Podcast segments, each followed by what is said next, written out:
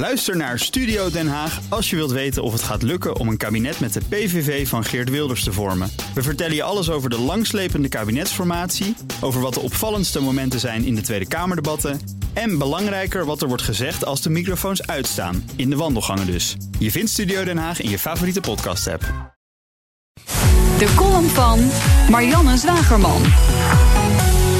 Waarom kopen miljardairs nieuwsbedrijven? Niet dat het aan de orde van de dag is, maar de vraag drong zich weer op toen gisteren bekend werd dat Time Magazine in handen komt van de Amerikaanse techmiljardair Mark Benioff, de oprichter van softwarebedrijf Salesforce.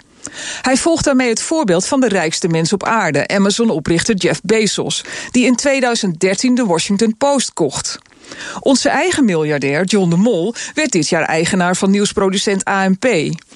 Het woord mecenas valt nogal eens als er naar verklaringen wordt gezocht, maar ik kan u verzekeren dat dit soort mannen andere drijfveren hebben.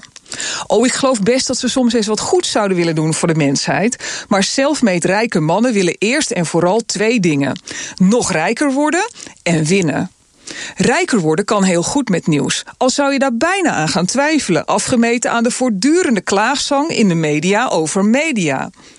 Christian van Tillo, de Belg die onder de radar van de ACM vrijwel alle grote Nederlandse kranten kocht, maakt een enorme sprong in de ranglijst van rijkste Belgen, dankzij diezelfde kranten. In 2017 was hij al een flink eindje op weg naar zijn tweede miljard.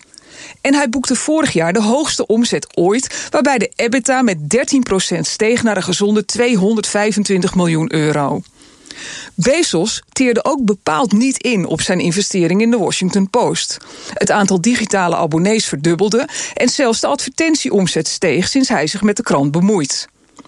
We hadden ons voor de komst van Bezos en Benioff al bijna neergelegd bij het feit dat Google en Facebook ongestoord alle advertentiedollars konden binnenharken die voorheen naar nieuwsbedrijven gingen, zonder zelf een cent te investeren in redactie. Maar daar kunnen Bezos en Benioff wel eens een stokje voor gaan steken.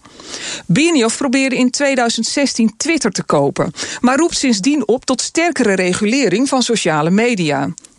Hij vergelijkt Facebook met tabaksfabrikanten, leveranciers van verslavende shit die zich aan strengere eisen zouden moeten onderwerpen.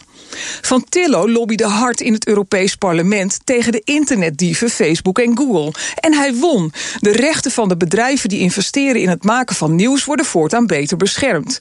Een klein beetje van de overheid en de rest van rijke mannen die willen winnen. Dan komt alles misschien toch nog goed. Zij Marianne Zwageman, onze columnist op dinsdag. En u kunt er terugluisteren op bnr.nl en in de BNR. Ook Bas van Werven vind je in de BNR-app. Ja, je kunt live naar mij en Iwan luisteren tijdens de ochtendspits. Je krijgt een melding van Breaking News. En niet alleen onze podcast Ochtendnieuws, maar alle BNR-podcasts vind je in de app. Download nu de gratis BNR-app en blijf scherp.